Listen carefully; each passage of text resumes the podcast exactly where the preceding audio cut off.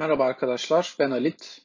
Kişisel Gelişim Endüstrisi podcast serimin ikinci bölümünü kaydediyorum. Bu bölümde sanayi devrimi, ortaya çıkardığı sınıflar, karşıt görüşler ve bu konjonktürde oluşmaya başlayan modern kişisel gelişim endüstrisinin başlangıç sürecine dair bir takım şeyler anlatmak istiyorum. Evet, konunun bir sonraki çağı dediğim gibi bu sefer iyice hümanist Rönesans düşüncelerinin daha etkili olmaya başlayıp Batı toplumlarının sekülerleştiği 19. yüzyıl ve sanayi devrimi. 19. yüzyıldan bahsetmeye başlamadan önce tanımlamamız gereken iki terim var. Bunlar burjuva ve proletarya. Burjuvazi kelime anlamı olarak şehirde yaşayan demek. TDK'nın önerdiği çeviride kent soylu zaten. Burjuva sınıfı 16. 17. yüzyıldan itibaren coğrafi keşifler, Fransız ihtilali, Rönesans gibi Avrupa'nın dinamiğini yeniden yapılandıran akımların yarattığı konjonktür içinde ortaya çıkmış. Soylu olmamasına rağmen yine o dönemde ortaya çıkan finans sistemi içinde ticaret yaparak tabiri caizse kendi yetenekleri ve uğraşlarıyla servet edinmiş yeni bir sınıf. Tüccar sınıfı kısaca. Önceleri biriktirdikleri serveti toprak sahibi olma amacıyla değerlendiren burjuvazi, geçen yıllar içinde yeni zenginliğin para olduğunun farkına varmasıyla önce kıtanın sonra da dünyanın ekonomi sistemini değiştiriyorlar. Hatta kazandıkları zenginliği kullanarak siyasi güç de elde ediyorlar. İngiliz parlamentosunda Lordlar Kamerası'nın yanında Avam Kamerası kuruluyor halk temsilcisi olarak. Bu adamlar günümüzde hala endüstride devam eden çok çalışırsan kazanırsın edebiyatının ilk örneği, blueprint'i. Proletarya ise nispeten daha sonradan ortaya çıkmış.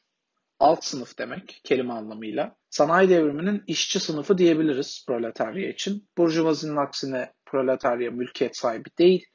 Ücret karşılığı çalışıyor. Böylelikle artık nur topu gibi bir yeni sınıf ayrımımız var. Sermaye sahibi patronlar ve emekçi çalışanlar. Hikayede şu şekilde kabaca. Sanayi devrimiyle sanayi şehirleri kurulunca alt ve üst sınıf ilk kez kitleler halinde bir arada yaşamaya başlıyor. Öncesinde böyle bir durum yok. Köylüler köylerinde, soylular da saraylarında yaşadığı için yani fiziksel olarak birbirlerinden ayrı oldukları için devamlı bir etkileşim yok. Birbirlerinin hayatlarından bir haber yaşayıp gidiyorlar insanlar. Dolayısıyla sınıf çatışması modern anlamda toplumun gündeminde olan bir şey değil orta çağda. 19. yüzyılda Londra gibi, Birmingham gibi ya da Paris gibi şehirlerde işçi göçü hızla artınca bu sürekli etkileşimle beraber çatışma da yavaş yavaş ortaya çıkmaya başlıyor. İnsan çünkü komşusuna göre konumlandırdığı için kendisini. Kendisi 200 yıl önce de fakirdi ama komşusu da fakirdi. O yüzden komünitenin kendi standartlarında millet takılıp gidiyordu. Sanayi şehirlerinde artık açılmış bir makas var. Bunun yanında proletaryanın yaşam şartlarını da ayrıca vurgulamak lazım. Günde 18 saat falan çalışıyorlar ortalama. Güvence falan zaten hak getire. Bir de Marx'ın yabancılaşma dediği bir kavram var proletarya için geçerli olan. Şimdi köylüyken fakir fakir olmasın ama en azından etrafı makul sınırlarla çevrilmiş, network'e oturmuş bir komünitesi var ve o komünite içindeki rolü belli. Atıyorum terzi ise iplik kıyafet olana kadar her adımda onun imzası var. Bütün proses onda. Neyi ürettiği belli. Sütçünün rolü belli. Kasabın rolü belli. Yaptığı işin bulunduğu sosyal grup içinde net bir anlamı var ve o iş sadece o adama ait. Sanayi toplumunda işçi fabrikada çalışırken bir kıyafeti baştan sona değil, günde 100 tane kıyafetin yakasındaki düğmeyi dikiyor mesela. Bu da Marx'ın söylediğine göre bir yabancılaşma yaratıyor bireyde topluma karşı. Adam diyor ki Baba ben ne yapıyorum burada? Bu yaptığım işin anlamı ne? Kimin umrunda? Bu da tabii ki konumuz mutluluk, anlam arayışı gibi şeyler olduğu için konumuzla ilgili. Madalyonun öteki yüzünde ama durum tam tersi. Burjuvanın parası var ya hayvan gibi. Ayrıca fabrikanın sahibi olduğu için yaptığı işin anlamı da belli kendince. Diyor ki düşük maliyetle ben günde şu kadar kıyafet üretiyorum. Üstüne bir de bilmem kaç kişiye istihdam yaratıyorum, ekmek veriyorum insanlara. Kendi dertlerini halledince de bu sefer sanata sepete sarıyor tabii. Hobiler ediniyor, profesyonel sanatçılara finansman sağlıyor falan. Bir yandan da sürekli büyümenin peşinde. Nasıl daha fazla para kazanırım? Nasıl daha fazla statü elde ederim? Ne gibi yeni şeyler deneyimleyebilirim falan. Bu da karşımıza çok farklı iki sınıf, bambaşka yaşam şartları ve mutluluk arayışları çıkarmış oluyor. Şimdi buradan nereye gideceğim? Dertleri birbirinden bambaşka olan bu iki sınıf refah kimin sorumluluğudur sorusuna da bambaşka iki cevap veriyorlar bu dönemde. Burjuva sınıfı kendisi kendi zenginliğini sıfırdan inşa ettiği için yani bu inşanın meşruiyetini sorgulamıyorum şimdilik ama sonuç olarak soylu değildi bu insanlar ve sıfırdan bir servet edindiler. Kendileri bu işi başardığı için herkesin de başarması gerektiğini savunan bireyci bir bakış açısı belirlediler. Refah kişinin kendi sorumluluğudur. Her insan çalışarak, risk alarak kendi servetini, refahını ve mutluluğunu inşa etmek zorundadır. Liberalizmin fikir babalarından Adam Smith diyor ki konuya dair, fakirlerin gerçek trajedisi arzularının fakirliğidir. Kısaca nazar etme ne olur? Çalış senin de olur. Böyle bir dünya görüşü. Öteki tarafta yaşam şartları çok daha düşük olan proletaryanın derdi de temel haklar elde etmek. Daha düşük günlük çalışma süreleri, iş güvencesi vesaire. Ama bu hakları teker teker çok çalışarak, risk alarak değil, kitle halinde bir sınıf mücadelesi verip yine kitlesel seviyede bu hakları elde etmek istiyorlar. Yani adamların derdi şu. Bizim istediğimiz şeyler, çalışıp da hak etmemiz gereken şeyler değil. Bunlar bizim doğal hakkımız. O yüzden de default bir şekilde hepimiz için bu talepler karşılanmalı. Bu da kolektif bir güç mücadelesiyle kazanılabilir.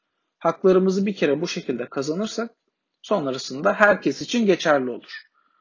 Böylelikle refah ve akabinde mutluluk nasıl elde edilir sorusuna cevap olarak bir dualite çıkmış oluyor. Bireysel mücadele verip kendi kendini kurtarmak mı makbul yoksa kolektif mücadele verip hep beraber kurtulmak mı? Tabii bu bir spektrum. Bu sorunun birinden biri doğru olacak şekilde bir cevabı yok. Refah derken neyi kastettiğimize bağlı olarak da sorunun cevabı değişir. Mesela temel sağlık hizmeti hakları ya da işimizin sigortalı olması için bireysel mücadele vermemize gerek olmamalı. Ama mesela üçüncü evine alabilecek bir gelir düzeyine de kolektif mücadeleyle ulaşmak pek mümkün değil. Orası biraz lükse giriyor artık. Dolayısıyla idealde eşitlik üzerine kurulu bir iktisat modeliyle piyasa ekonomisi arasında gözetmemiz gereken bir denge var. Proletaryanın ya da kolektif mücadelenin diyelim talihsizliği bu denge arayışının spektrumun bireysel mücadele ucunda başlamış olması. Dediğim gibi burjuvazi kendi servetini ve statüsünü bireysel mücadeleyle elde ettiği için bunu bir norm olarak yedirdi döneme. Bakın biz yaptık, isterseniz siz de yapabilirsiniz diye. İşte kişisel gelişim de tam olarak böyle bir konjonktür içinde ortaya çıkıyor. Siz buraya gelmeye çalışıyordum. İlk adamımız Samuel Smiles. Smiles 1812 doğumlu İskoç bir ekonomist ve siyasi reformcu. 1857'de 45 yaşındayken ilk kitabını yazıyor. Kitap George Stephenson isimli bir mühendisin biyografisi.